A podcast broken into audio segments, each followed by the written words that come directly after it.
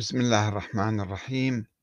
والحمد لله رب العالمين والصلاة والسلام على محمد وآله الطيبين.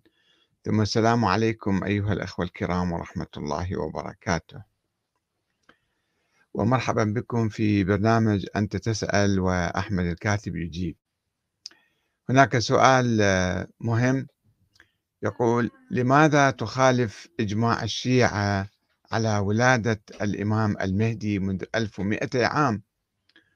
وهل يمكنك تغيير عقيدتهم به؟ وطبعا هناك أسئلة أخرى مشابهة كثيرا ما تطرح. مثل, مثل كيف اكتشفت وحدك أسطورة المهدي بعد ألف عام؟ الآن تجي أنت تقول هذا مثلا شخص ما موجود. أو كيف توصل أحمد الكاتب إلى ما جهله الفيلسوف الكبير السيد محمد باقر الصدر.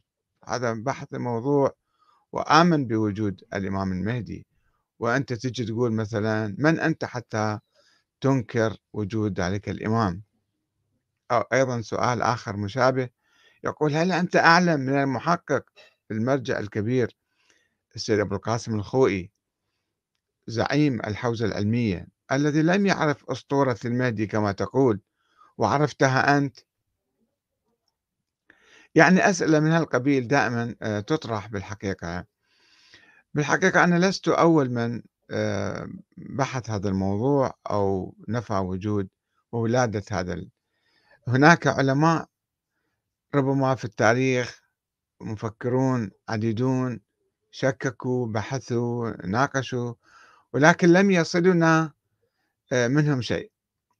وأبرز مثل, مثل على ذلك هناك عالم في إيران توفي قبل حوالي 30 سنة واسمه العلامة البرقعي. كان زميل الإمام الخميني في قم.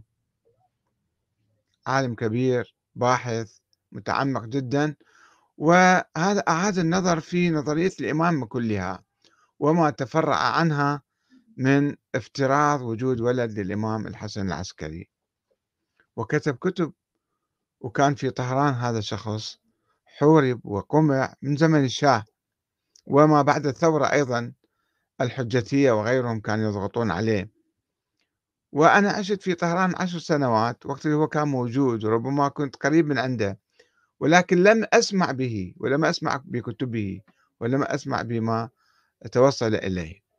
فربما كان هناك كثير من العلماء وأنا متأكد بعد ما كتبت الكتاب وطرحت العلماء وناقشت عشرات أو مئات من عندهم أن بعضهم الآن هو يؤمن بأن هذه فرضية وهمية وعلى مستوى مراجع وعلى مستوى علماء في مراكز في مثلا وكلاء يعرفون ولكنهم لا يستطيعون التعبير أو لا يريدون التعبير لأنه هو يعيش في جو معين وبالتالي لا يستطيع أن يتنصل من ذلك الجو ويخرج ويعارض كل الناس حتى على مستوى شيخ قرية. شيخ قرية إذا يريد يقول مثلا في اليوم يقعد الصبح أو يروح لصلاة الجمعة ويقول يا أيها الأخوان ترى أنا مثلا اكتشفت هاي الفكرة مو صحيحة. الناس اللي حواليه سوف يقاطعوه سوف يستنكرون كلامه. سوف يعني يعارضوه بأشد المعارضة. وأنا أعرف شيخ في لبنان قبل حوالي أكثر من 30 سنة. قبل ما أنا أكتب بحثي وأفكر فيه أيضا كان عنده مقالة في منتدى في ندوة طرح أسئلة حول الموضوع أنه فعلا معقولة هذا الشخص لا يزال موجود وبناء على ماذا؟ ولكنه أيضا يعني ما أعرف كيف حوصر قمع وأنا لم أسمع بمقالته إلا بعد حين. فإذا هناك حركة فكرية تحاول أن تعيد النظر في هذه العقيدة وهذه الفكرة وتشوف آثارها. يعني هي القضية ليست أنه واحد مولود قبل 1200 سنة مولود ولا ما مولود. إحنا شو يهمنا مثلا؟ كثير من الناس هكذا يفكرون. يفكرون أنه قضية يعني عقيدية صارت جزء من عقيدة الشيعة والناس يؤمنون بها ومثل معاجز والله سبحانه وتعالى آه، ليس آآ صعبًا عليه أن يطيل عمر واحد وانتهى الموضوع مو فد مشكلة يعني. ولكن لو واحد بحث الموضوع بعمق وشاف يعني ارتباط كثير من الأمور الحياتية، الاجتماعية، السياسية، آآ الطائفية في بهذه الفكرة، فسوف يكتشف مدى خطورتها على المجتمع الإسلامي. آآ يقولون كما طرحنا السؤال الأول، لماذا تخالف إجماع الشيعة؟ الإجماع عند الشيعة ليس حجة، الإجماع عند السنة أو عند بعضهم أصل من أصول الاستنباط والاجتهاد، وأصل من أصول بعضهم يعني هناك أيضًا خلاف حتى عند السنة أن أصلًا هناك إجماع حول شيء معين أو لا، ما عدا المتواتر من العبادات. هذا أكيد كل المسلمين مجمعين عليها. ولكن في القضايا السياسية في قضايا فقهية جزئية لا يوجد إجماع. حتى أن الإمام أحمد بن حنبل شكك أصلا بوجود الإجماع. ولكن هناك من يعتقد بأن الإجماع مثلا هو مصدر لأنه خلص هناك إجماع في هذه القضية فإذا ننتهي. الشيعة الشيعة الإمامية يرفضون أصل الإجماع. يقولون نأخذ الدين من القرآن والسنة النبوية السنة الواردة عن طريق أهل البيت. فقط هذا كلامهم. فلا يؤمنون بالإجماع. وهذا الإجماع اللي حاصل طبعا كل من يبحث في الإجماع يقول الإجماع المتقدم إذا كان حجة فالإجماع المتقدم اللي آه، يعني يلامس عصر الرسول الأكرم أو عصر الصحابة مثلا أو خلينا نقول عصر الأئمة مثلا. هذا الإجماع هذا الإجماع ما موجود الإجماع المتقدم غير موجود. الآن نعم ربما هناك إجماع في شهرة عند الناس. ووين تروحون وين تجون تشوفوا ناس يتحدثون عن هذا الموضوع. هناك في هذه الأيام احتفالات وهذه تولد تولد دائرة إعلامية. يعني عندما آه، الإعلام ينتشر في حول أي قضية معينة ينتشر بحيث يشكل دائرة محيطة بالإنسان فالناس يعتقدون أن هذا صار آه، صار حقيقة. بعد ما يمكن الشك فيها. مسلمة هذه. فهذا نعم عبر التاريخ هناك آه، دعايات وإعلام وكلام بحيث الناس صار معتقدين كأنه هذا جزء من العقيدة الشيعية ومن العقيدة الإسلامية. وجود الإمام الثاني عشر أو ولادته إذا إحنا راجعنا التاريخ الشيعي نرى أن كل المؤرخين الشيعة كل علماء الشيعة السابقون واللاحقون يقولون بأن آه، بعد وفاة الإمام الحسن العسكري حصلت حيرة وغموض ولم يعرفوا عنده ولد ولا ما عنده ولد. ما هو مصير الإمامة لم يعرفوا فلذلك احتاروا بقوا سبعين سنة مئة سنة هم حيرانين. حتى كتب علي بن بابويه الصدوق كتابا اسمه الإمامة والتبصرة من الحيرة. شلون نطلع من هذه الحيرة؟ شو نقول؟ شنو نظريتنا؟ فسووا النظرية الاثنى عشرية في القرن الرابع. في القرن الرابع بدأوا شوية شوية آه، يؤلفون هذه النظرية ويجيبوا لها أحاديث وقصص حتى يسوون النظرية الاثنى عشرية ف ال ال هذه الفكرة أو الفرضية أو النظرية أو ما يسموهم هم الآن يسموها العقيدة مثلا بالإمام المهدي هي عقيدة مركبة من شيئين. لا لابد أن دائما نؤكد على هذه النقطة. آه، النقطة الأولى الإمامة. كانت هناك نظرية عند آه، الشيعة الإمامية. الشيعة الإمامية كانوا فريق سري باطني صغير في القرن الثاني والثالث. لم يكونوا هم عامة الشيعة يؤمنوا بالإمامة. لو تدرسون تاريخ الشيعة وتاريخ الثورات في القرن الثاني والقرن الثالث يشوفون جماهير الشيعة كانوا تقريبا يميلون إلى الزيدية. كانوا يؤمنون أي واحد ثورة يصير إمام يصير حاكم يصير يسوي دولة.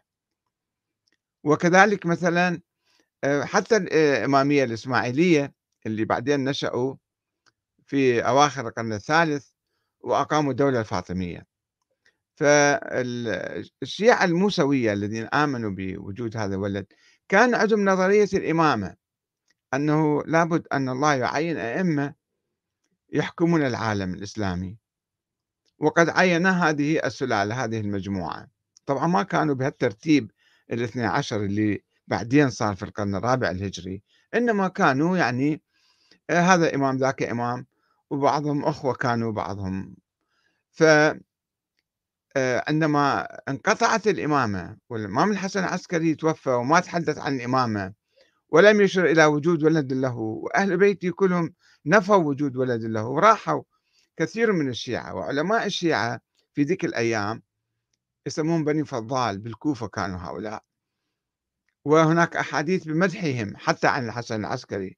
يروون هم الشيعة يروون أنه خذوا بما رووا ودعوا ما رأوا.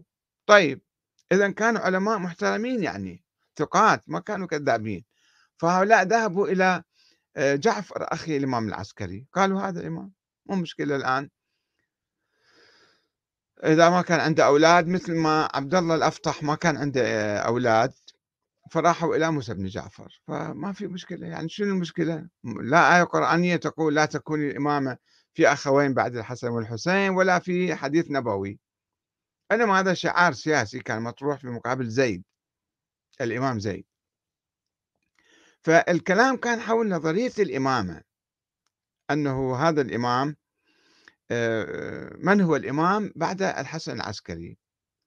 فافترضوا هؤلاء المتكلمون الذين يؤمنون بنظرية الإمامة قالوا شلون ما يصير إحنا نقول إن نظرية الإمامة انتهت يعني معناته كل كلامنا صار باطل. كما يقول السيد المرتضى الشريف المرتضى علم الهدى يقول أنه يعني إذا إحنا ما ما اعترفنا بوجود هذا الإنسان فيجب أن نشكك بنظرية الإمامة.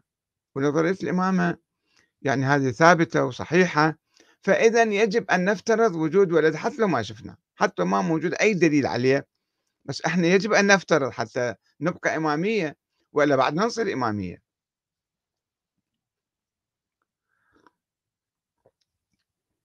وبالحقيقة أنا عندما قرأت كتابه الشافي وكتب الأخرى ووصلت إلى هذه النقطة وكنت أؤمن يومها كنت أبحث في الموضوع كنت في إيران في سنة 90 كنت في إيران وكنت أبحث بالكتب المختلفة. عندما قرأت هذه الفقرة قلت عجيب وأنا أؤمن بنظرية الإمامة إيمانا دقيقا وأكيدا. وكنت قد جئت من السودان وقد أسست حركة شيعية إمامية اثنى عشرية في السودان سنة 86 وجبت بعض الطلبة يدرسون في حوزتنا في حوزة القائم. فقلت طيب إذا خلي علي أن أبحث في موضوع الإمامة. هذا تحدي يعني يقول إما أن تؤمن تغمض عينك وتؤمن بوجود ولد الإمام العسكري وإلا يجب أن تكفر بنظرية الإمامة. وأنا كنت مؤمن بشدة بنظرية الإمامة. فذهبت وأعد أعدت دراستها من جديد. وكنت كاتب قبل ذلك بحوالي 15 سنة أو أكثر سنة 73 يعني. كنت كاتب كتاب اسمه عنوانه عشرة عشرة ناقص واحد يساوي صفر حول الإمامة. يعني إذا شلنا الإمامة من الإسلام لا يبقى شيء في الإسلام. يا أيها الرسول بلغ ما أنزل إليك من ربك وإن لم تفعل فما بلغت الرسالة هاي الآية حاطة على الغلاف. فرأت طبعا بحثت كل ما كتب في حول الموضوع كتب سابقة ومن هذه الكتب كتاب الغيبة للشيخ الطوسي هذه النسخة نفسها هذه النسخة القديمة اشتريتها ودرستها دراسة دقيقة. فبالحقيقة هو هذا الكتاب عندما درسته أيضا هو يؤكد يعني يجيب قصص على من رأى آه، محمد بن الحسن العسكري و ولكنه يقول هذه كلها أدلة يعني من باب المعاضدة نجيبها وإلا دليلنا الأقوى هو الدليل الاعتباري يعني الدليل العقلي يسموه أيضا. فإذا هذا الإجماع اللي حصل حول ولادة الإمام المهدي لم يكن إجماعا أوليا وفي الحالة الأولى. إنما كان هناك شك وغموض وعدم معرفة ولذلك حيرة حدثت الحيرة عند الشيعة. إنما بعدين بالقرن الرابع بالقرن الخامس آه، نشأ هذا التيار وبدعم من السلطتين البويهية والعباسية. العباسية كأنه مصلحة في دعم هذا آه، الاتجاه وهذا الفكر في مقابل الإمام المهدي الفاطمي الذي خرج في شمال إفريقيا وأقام الدولة الفاطمية. فبعد أن تلاشى وقعوا في حيرة وتلاشى أصحاب هذه النظرية ومن آمن بها في القرن الثالث الهجري بدأوا يدعمون الفكرة من جديد ولا موجود وإجا الشيخ المفيد لعب دور كبير في التنظير للفكرة الاثنى عشرية سووا أحاديث مختلقة وقصص ومشاهدات والغلاة لعبوا دورا كبيرا مثل آه، الخصيبي والنصيري آه، آه، محمد بن نمير نصير النميري. هؤلاء يعني هم الذين روجوا ومعظم الغلاة روجوا لهذه الفكرة لأنه يشوفون المنطق مالهم منطق خرافي جدا في قصة الولادة التي يفترضون يفترضونها ويدعونها وينقلون رواية عن مثلا آه، حكيمة عمة الإمام الحسن العسكري. أول من نقلها هذا آه، الخصيبي في كتاب الهداية الكبرى وهو من أعمدة النصيرية هذا ومن علمائهم ومشايخهم. فيروي هاي القصة أنه هذه نرجس كانت جارية وكانت بنت مثلا آه، يشوع ملك ما أدري الروم وشافت بالمنام واحدة شافت بالمنام النبي محمد والنبي عيسى والإمام العسكري وخطبها النبي محمد من النبي عيسى وقال له زوجناها وأجتي وألقت نفسها أسيرة. في آه، الحروب وصارت جاء أبوها إلى سوق النخاسة في بغداد وإجا استراحة الإمام الهادي وطاها الإمام العسكري. وبعدين آه، يوم الولادة أو ليلة الولادة الإمام العسكري قال لعمته اليوم راح يجينا ولد. فهي تعجبت قالت لها من وين الولد؟ ما أشوف واحدة من جواريك مثلا حامل. ما كان متزوج جواز اسمي يعني عنده جواري فقط. فقال لها لا من نرجس راح يجي ولد عندنا اليوم. اجت صارت تحترم نرجس أكثر يعني وتتحدث معاه فهي تعجبت قالت له أنت راح تولدين اليوم؟ قالت وين أولد؟ أنا أصلا مو حامل. واليوم راح أولد بعدين؟ شلون يصير هالكلام هذا؟ فهي الأم حسب الرواية اللي هم ينقلوها الشيخ صدوق ينقلها أيضا والشيخ الطوسي ينقلها. يقولون تعجبت هاي الجارية. وكيف راح أولد؟ وبقت للصبح هاي تنتظر حكيمة إنه راح تولد هذه. إذا هي شكت قريب الفجر وما حدثت الولادة فقال آه، لها العسكري لا لا تشكين عرف بها أدى علم غيب. سمع. قال لي لا تشكين راح تولد. بعدين غفت وشافت بالمنام إنه هاي مولدة. والصبح قعدت بعد شوية صلي صلاة الفجر. شافت ماكو ولد فقالت له راحت الحسن العسكري وين هذا الولد اللي انولد؟ قال لا اجوا الطيور من السماء اخذوا وراحوا. كلام مو منطقي كلام مو مال عقلاء ولا مال منطق الشيعة أو منطق الإسلام. هذا منطق خرافي. أخذوا الشيعة أخذوا الطيور وطاروا. وين طاروا؟ وين ودوا يعني؟ شلون؟ منو الطيور؟ منين إجوا الطيور ذولا المهم هذه هي قصة ولادة. فإحنا عندما ندرس هذه القصة ونشوف الرواية التاريخية رواية أسطورية رواية خرافية. فهذا الإجماع اللي حصل بعدين الإجماع المتأخر كما يقول علماء الأصول آه، الشيعة ليس بحجة. وأساسا هو الإجماع مو حجة. فإذا كان الإجماع مستندا على آية قرآنية ننظر في القرآن ونشوف القرآن ماذا يدل. وإذا كان مستند على حديث أيضا ننظر في ذلك الحديث. فإذا شفنا الحديث يدل إذا كان الإجماع مستند على عقل فأيضا ننظر بعقلنا نشوف هذا العقل يدل على ذلك أو لا. فالإجماع بنفسه ليس بحجة إنما علينا نحن أن نبحث ونفكر. فأنا نظرت في كل الأدلة التي يريدها من يدعو إلى وجود هذا الإمام مثل الشيخ الطوسي شيخ الطائفة أبي جعفر محمد بن حسن المتوفي سنة 460 للهجرة. في هذا الكتاب اقرأوه. حقيقة أنا أوصي بقراءة هذا الكتاب. مهم جدا. فعندما آه، نقرأ يجيبوا أدلة ثلاث أدلة. ثلاث أنواع من الأدلة يعني. وأوصيكم أيضا بقراءة كتاب كتبه ونشره آه، مكتب السيد السيستاني. حقيقة أنا أطلب منكم طبعا أنا عندي مناقشة في عشرات آه، الكتب الذين الكتاب الذين ردوا علي في هذا الكتاب حوارات أحمد الكاتب مع المراجع والعلماء والمفكرين حول وجود الإمام الثاني عشر. فكتاب السيد السيستاني اسمه الإمام المهدي في الفكر الإسلامي يعني مكتب السيد السيستاني ناشري. ويمكن كذا هاشم العميدي بعدين حطوا اسم عليه. في الطبعة الأولى ما كان حاطين اسم بعدين حطوا اسم عليه.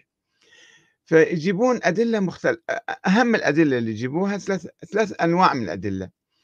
أدلة روائية وأدلة عقلية وأدلة تاريخية.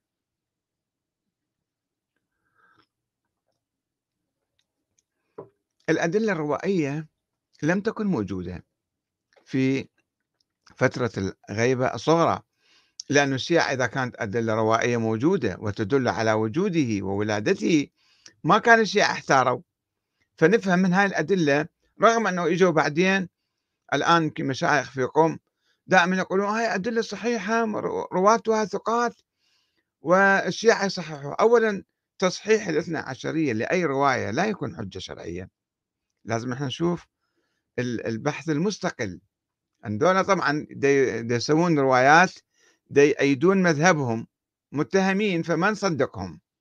أي مذهب لما هو يجيب دليل على نفسه ما ناخذ من عنده.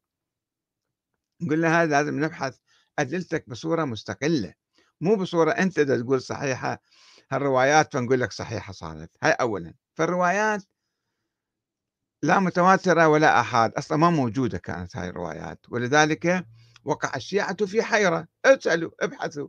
شوفوا كلهم يقولون الحيرة الحيرة الكبرى التي أصابت الشيعة في القرن الثالث الهجري. طيب هم يقولون هاي الروايات مو دليل معتبر يعني.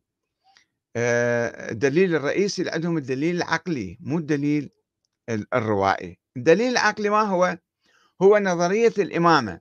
إذا كانت نظرية الإمامة صحيحة وبهذه التفاصيل الجزئية الدقيقة لأنه في نظريات عديدة في الإمامية الإسماعيلية عندنا فطاحية عندنا. لا لازم أنت تؤمن آه، بتوصل للحسن العسكري. الحسن العسكري تقول أنه لم يت... لم مات يعني ما بقى حي. ولا تنتقل الإمامة لأخوين بعد الحسن والحسين. هاي أهم فقرة في الدليل العقلي هاي الفقرة. إذا أنت ما آمنت بهاي الفقرة طيب مو مشكلة. الحسن العسكري ما توفى ما عنده أولاد روح الأخو جعفر. وتنتهي المشكلة ما عندنا مشكلة بعد. يقول لك لا. هنا لازم أنت تتأكد على هاي النقطة أنه لا تكون إماما في أخوين بعد الحسن والحسين كأنها آية قرآنية. هاي مو آية قرآنية شعار سياسي ما أدري منين جاينا هذا الشعار. فلازم الإمامة تكون عمودية ما تكون أخوية ما تنتقل إلى أخ وابن أخ عم وابن عم. إذا هي إذا هي إمامة من الله الله يحطها وين ما يريد. ليش لازم تكون عمودية بس تنتقل للأخ مثلا؟ لماذا جعلها بالحسن والحسين إذا فكلام متهافت ما عنده أي دليل. هذا هو الدليل يسموه دليل عقلي. هو مو عقلي. حتى الشيخ الصدوق يقول هذا مو دليل عقلي محض إنما مجازا نسميه دليل عقلي لأنه يقوم على مقدمات نقلية. مثل هذه أنه لا تكون إمامة في أخوين. فإذا قام على مقدمات نقلية النتيجة حسب المنطق تتبع أخس المقدمات والمقدمات آه، نقلية مو عقلية فيصبح هذا الدليل الذي يسمى عقليا يصبح دليلا نقليا أو دليلا أسطوريا خرافيا حتى ما في نقل يعني صحيح. يبقى الدليل التاريخي. الدليل التاريخي أيضا كما حدثتكم في هاي القصة قصة حكيمة يجيبوا هذه. أهم قصة عندهم قصة حكيمة وفيها خمسين كذبة وخمسين أسطورة. يقرأوها من أولها لآخرها. كلها علم غيب ومعاجز وأشياء مو معقولة أشياء خرافية. الطيور أخذته وطارت وقام يسجد ولد يسجد وما حد ما شافه. لا أهل البيت شافوه لا كل أهل البيت ما كانوا يعرفوه. فالمهم ركبوا القصة هذه. فإذا نحن نقول هذا الإجماع مو حجة وإذا كان إجماع موجود نحن نراجع هذا الإجماع على ماذا قام. الإجماع قام على روايات وقصص وأدلة عقلية كما يقولون.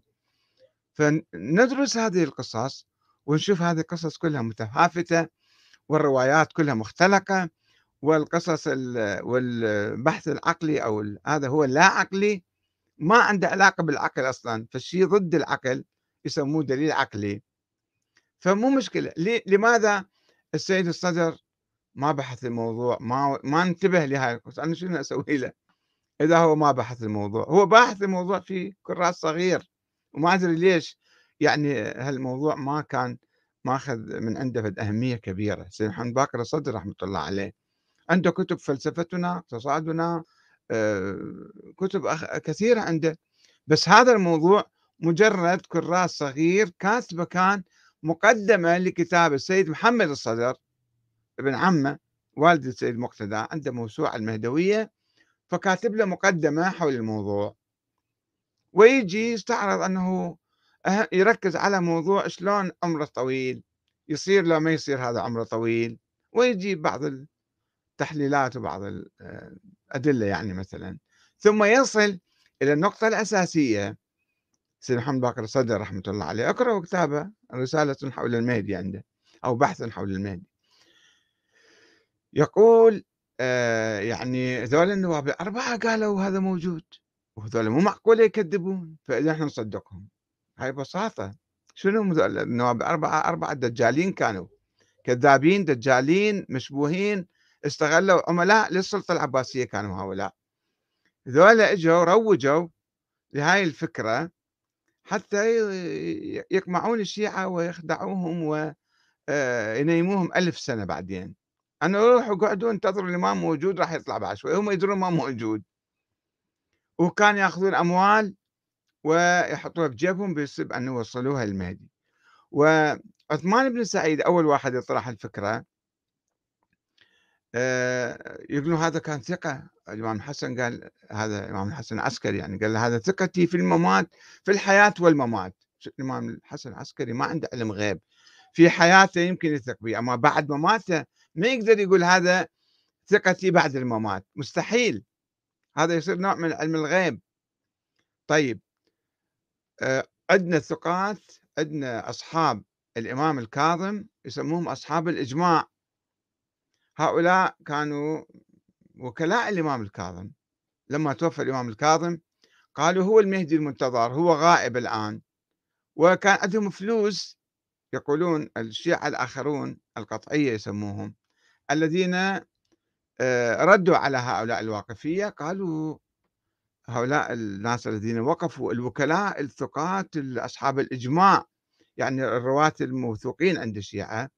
هؤلاء غرتهم الأموال غرتهم الدنيا. طيب إذا أصحاب الإمام الكاظم تغرهم الدنيا ليش هذا عثمان بن سعيد ما تغر الدنيا؟ هم تغر نفس الشيء. فاجى ادعى شيء وقال أنا وكيله وطفل صغير يقول الإمام المهدي على أساس خمس سنين عمره وأبوه توفى هو صار وكيله. شلون؟ طفل صغير محجور عليه إذا كان موجود. مثل ما الجواد والهادي كانوا أطفال صغار عندما توفي أبوهم توفي الإمام الرضا الجواد كان عمره سبع سنوات. توفي الإمام الجواد الإمام الهادي عمره ثمان سنوات. وكان حاط وصي عليه أنه لما يكبر ما يقدر يصرف بأمواله لما يكبر يبلغ ويكون راشد أعطوه المال له فشوفوا يعني إذا نقرأ التاريخ الشيعي نعرف كثير من الأشياء. أنه ماكو شيء واحد عمره خمس سنين يصير الله حاطه لقيادة الأمة الإسلامية. معقول الكلام هذا؟ النبي محمد صار عمره 40 سنة الله سواه نبي. فهذا مو كلام صحيح. صحيح النبي عيسى الله تكلم في المهد أو النبي يحيى هذه استثناءات القرآن تحدث عنها. أما ما يجوز أن إحنا نجي نقيس بعدين. فتاريخ الأئمة نشوف نشوفهم هم كانوا يتعاملون مع أنفسهم ومع أبنائهم إذا كانوا أطفالا يحطون عليهم أوصياء. وحتى الأموال التي تنهب أو تتلف مثلا أو يتلاعب بها فيقول هو عمره خمس سنين وأنا صرت نائب ماله وبعدين انطاها لابنه محمد بن عثمان خمسين سنة جالس ببغداد يم الخلفاء العباسيين وهو يقول أنا وكيل المهدي والعباسيين كل شيء ما يسووا له. يعني معناته أنه هذا كان متعامل معاهم متحالف معاهم. وبقية الجماعة اللي ألفوا هاي النظرية وسووها. فإذا آه، النظرية آه، كانت تقوم على مسألة الإمامة والإمامة عندما وصلت إلى طريق المسدود فاضطروا أن يفترضوا آه، رجلا ولدا ويقولوا هو الإمام. ثم بعد مئة سنة قالوا هو المهدي. في البداية ما كانوا يقولون المهدي لأن المهدي فكرة عامة كانت عند الشيعة. ما كانت محددة بشخص معين. هذا الشخص اللي ما حد ما يعرفه شلون يصير مهدي؟ ولا أحد شافه ولا أحد ملتقي به ولا أحد متفاعل معاه شلون يقولون هذا مهدي هذا ما يصير. بعدين بعد 100 سنة قالوا هذا صار هو المهدي. فالسيد محمد باقر الصدر يقول هؤلاء النواب الأربعة ثقات. طيب توثيق هؤلاء النواب الأربعة جاء من أتباع هذا المذهب. إحنا لكي لكي نعرف حقيقة هؤلاء النواب الأربعة لا يجوز أن نقلد علماء الرجال الشيعة في القرن الرابع أو الخامس الذين وثقوا هؤلاء النواب الأربعة. لأنه كان في أربعة آخرين عند النصيرية وآخرون آخرون عشرين واحد كان يدعي النيابة الخاصة. راجعوا هذا الكتاب الشيخ الطوسي في آخر الكتاب يتحدث عن الوكلاء الكذابين الدجالين. يقول هذا كلهم كانوا يدعون علم الغيب وكانوا يسوون معاجز يدعون يسوون معاجز. وهم النبي محمد ما كان يسوي معاجز ولا كان يعلم علم الغيب ولا بقية الأئمة. فهؤلاء كانوا دجالون يدعون علم الغيب ويدعون المعاجز. وينقل الشيخ الطوسي أن الشيعة ذيك الأيام بعض الشيعة كانوا يشكون بهؤلاء النواب يقولون إحنا نعطيكم فلوس وين تودوها؟ ما ندري وين تودوها. من يقول أكو أصلا شخص وراكم تدعون أنتم نيابة خاصة عنه فيقول لك النوبختي قال له الواحد روح ذب فلوسك بالشط فالمرأة إجت تشكل قال له روح ذب فلوسك بالشط بدها نهر دجلة وإجت للبيت لقيت الفلوس مالها قدامها موجودة. سوى سحر يعني سوى شيء معجزة. هاي دليل على صدقه.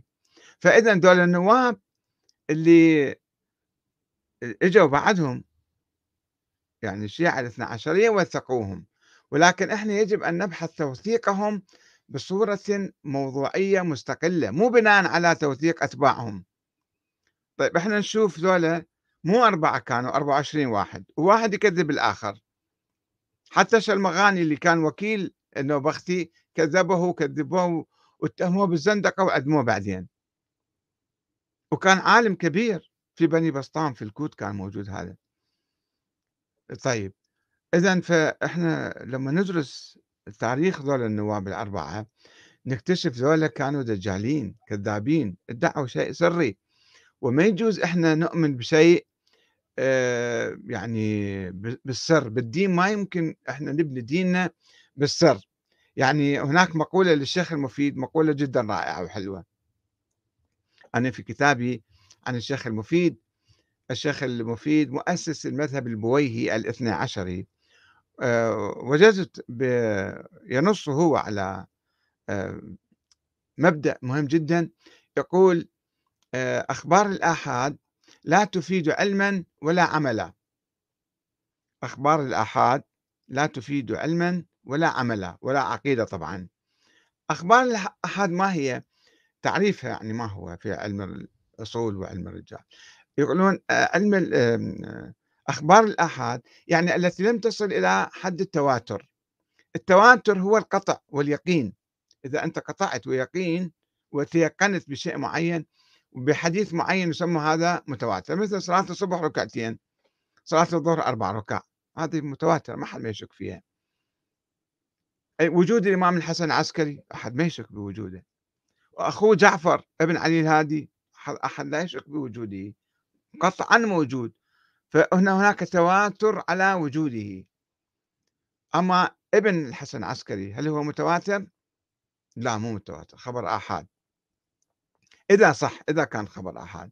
فيقول خبر الآحاد اللي هو أقل من المتواتر لا يفيد علما ولا عملا. لا عقيدة يعني ولا شيء ما يجوز إحنا نؤمن به. نجي نشوف هذه الفكرة أو الفرضية فرضية وجود ولد الإمام العسكري. هل هي يعني هل هو خبر متواتر؟ لا قطعا مو متواتر لأنه صار في حيرة عند الشيعة. فشلون يصير تواتر مع وجود الحيرة؟ لا يعقل. ولا حتى الشهرة إنما فت خبر ضعيف سري باطني. كم واحد يبسبسون. وحتى رواية إسحاق بن يعقوب اللي جاية يرويها الشيخ الصدوق في كتابه آه، كمال الدين عن آه، محمد بن عثمان. بن سعيد العمري اللي مدعي النيابة رقم اثنين يعني يقول قد دزيت له رسالة عندي أسئلة يسأل الإمام المهدي على أساس فيقول له الإمام أنت لا تسأل لا تبحث لا تناقش بالرسالة موجود هذا قرأناها أمس يوم أمس أيضا. ف فإذا آه، إحنا ما يمكن إحنا نعتمد هذا على هؤلاء النواب الأربعة الذين قالوا هم كان لهم مصلحة وادعوا وكان الناس مشبوهين فما يجوز نعتمد عليهم. الآن الكلام الكلام شوفوا الآن شنو صاير عندنا؟ آه، نقطة مهمة آه، نتوقف عندها قليلا.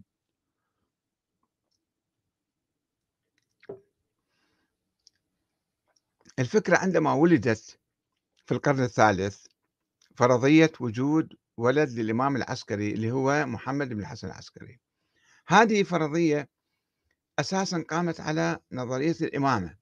يعني من هو الإمام بعد الحسن العسكري؟ الإمام المعين من قبل الله الإمام المعصوم حسب النظرية الإمامية. يقولون هذا موجود. فإذا هي دارت الفكرة حول وجود إمام معصوم معين من قبل الله وهو مكلف بقيادة الأمة الإسلامية. طيب ما هو تكليفنا تجاه هذا الإمام؟ نصرته والدعاء له وانتظاره ونهيئ أنفسنا إليه. هذه فكرة ال يعني عنصر الإمامة موضوع الإمامة. بعدين فكرة مسألة أنه هذا هو المهدي اللي حيغير العالم. المهدي يغير العالم سواء قلنا يعني هاي فكرة أخرى منفصلة. كثير من الناس يحتجون أن السنة يؤمنون بالمهدي. طيب خلي نؤمن في واحد راح يطلع آخر الزمان مثلا.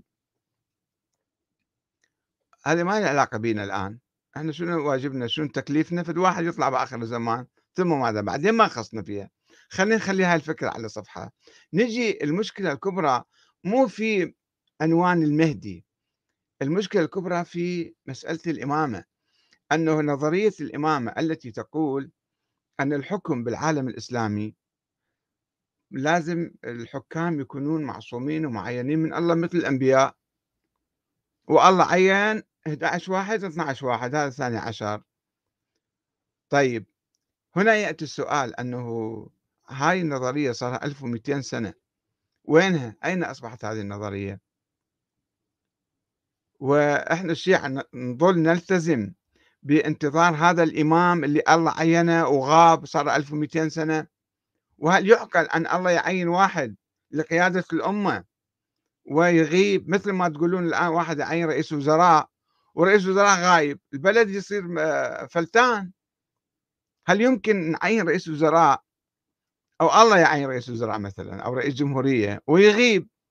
يوم واحد يقدر يغيب يجوز يغيب يوم واحد إذا الله معينه. آه، كرئيس جمهورية أو رئيس وزراء هل يمكن أن يغيب يوم واحد أو أسبوع أو شهر أو سنة أو مئة سنة وألف سنة؟ البلد شو يصير به الأمة شو يصير بها شوي خلينا نفكر بهذا الموضوع. الموضوع المهم ليس أنه المهدي ولد أم لم يولد المهدي بعنوان المهدي. الكلام حول محمد بن حسن العسكري الإمام المعصوم المعين من قبل الله لقيادة الأمة الإسلامية. كيف يمكن هذا يغيب شنو صار بهاي النظرية؟ وأين هو؟ وماذا نفعل نحن الآن؟ في الحقيقة يعني هذا البحث كله بحث جدل صار له 1200 سنة جدل عقيم صار لأن الشيعة عمليا هذه الأيام تجاوزوا هذه النقطة تجاوزوا هذه النظرية أنه موضوع الإمامة طبعا منذ مئات السنين بدأوا شوية شوية يحاولون يخرجون من عندها ويتخلون عنها. يقولون نحن نحتاج إلى إمام نحتاج إلى رئيس. ففي آه، البداية قالوا مثلا ولي الفقيه أو ولاية الفقيه أو أن الفقيه يكون رئيسنا ثم قالوا لا هناك دستور وانتخابات ورئيس جمهورية ينتخب من الناس.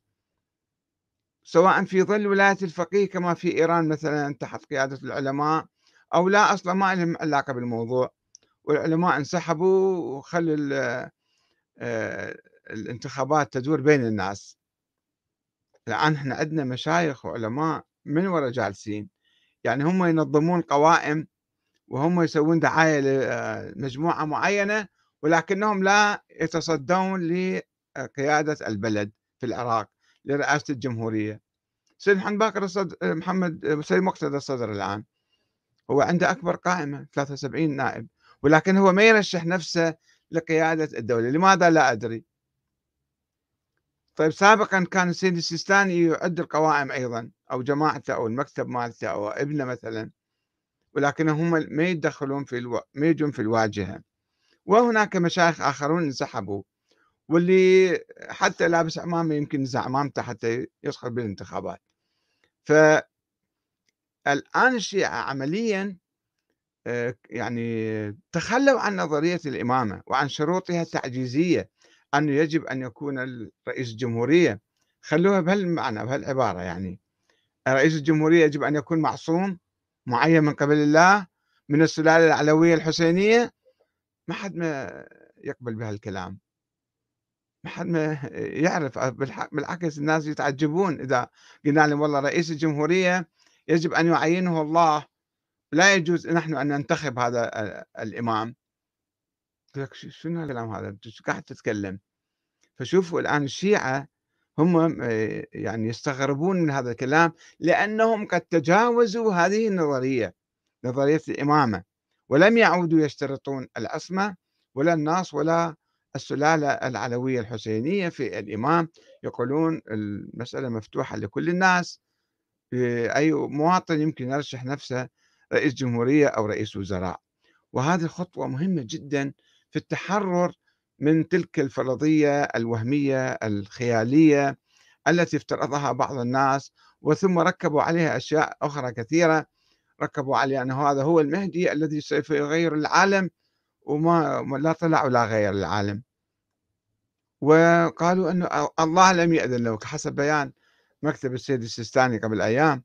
حتى يأذن له الله لا نعرف الحكمة. ليش هو نبي حتى الله يأذن له ويخبره وينزل عليه جبرائيل؟ هو إنسان عادي. هو مو نبي. هذا خطأ القول أنه هو مثلا عنده ارتباط بالله والله يقول له اليوم اطلع اليوم لا تطلع. إما هو يقدر الظروف إما أنه كانوا يقولون سابقا ما عنده أنصار. الآن ما شاء الله عنده بالملايين يؤمنون بفكرة هذا الإمام بوجوده. فإذا خرج وعنده معاجز يسوي له معجزة. راحوا كلهم يؤمنون به فلماذا لا يخرج ولا آه، يقوم بمعجزة ولا يثبت وجوده؟ فأسئلة كثيرة الآن مثقفو الشيعة وعلماء الشيعة الحقيقيون يفكرون في هذه المواضيع ويحاولون تجاوز آه، التراث هذا الخرافي والأسطوري الدخيل آه، على التشيع الذي صنعه العباسيون والبويهيون. ولكن المشكلة أن كثير من العلماء في الحقيقة حتى ننصفهم. أنا أعرف كثير من العلماء لا يؤمنون بوجود هذا الشخص ولكن واحد يعمل كما قال لي السيد محمد الشيرازي رحمة الله عليه. عندما ناقشته وسألته قال لي إذا تتكلم بهذه الصورة فلن تستطيع أن تعمل. وكثير من العلماء في المجتمع. عندهم مؤسسات عندهم مدارس عندهم تلاميذ عندهم آه، مصاريف كثيرة. فإذا شكك بهاي الفكرة أو تجاوزها أو مثلا قال هاي مو صحيحة رأسا كل البناء ماله ينهار كل النظام كل الحزب ماله يفرط كل الجماعة ينفضون عنه. فلذلك هو يقول المصطفى هكذا يفكر أنا أعرف هكذا يفكر البعض بأنه يعني يعني نحاول شوية على الأقل إحنا نقوم بدور آآ نعلّم الناس مثلًا، نهديهم، نصلي جماعة أو نسوي كذا. يعني هسه هذا هم بينهم وبين الله، شوف أنه هو هل الله يسمح لهم بتضليل الناس وخداعهم وابتزازهم واستغلالهم أو عليهم أن يكونوا فعلًا علماء ربانيين يدعون إلى الله تعالى وإلى مذهب أهل البيت الصحيح الحقيقي اللي ما في مسألة إمام مهدي بهالصورة هذه ولا محمد بن الحسن العسكري. إذا الإمام الحسن العسكري لا يعرف وجود ولد له، فليش إحنا نسوي له ولد ونلزقه به بالقوة وغصبًا عنا؟ هل نحن نصبح شيعة يعني يسمون شيعة البيت أو أتباع البيت؟ لأ في الحقيقة إحنا صرنا أتباع العباسيين والبويهيين والشيخ المفيد وجماعتنا كلهم يقلدون الشيخ المفيد. والسلام عليكم ورحمة الله وبركاته. سوف أنظر الأسئلة المطروحة هنا في اليوتيوب إن شاء الله وأتابعها في الأيام القادمة. وإذا أحد عنده سؤال أيضا ممكن يطرحه في الفيسبوك على صفحتي أحمد الكاتب. والسلام عليكم ورحمة الله وبركاته.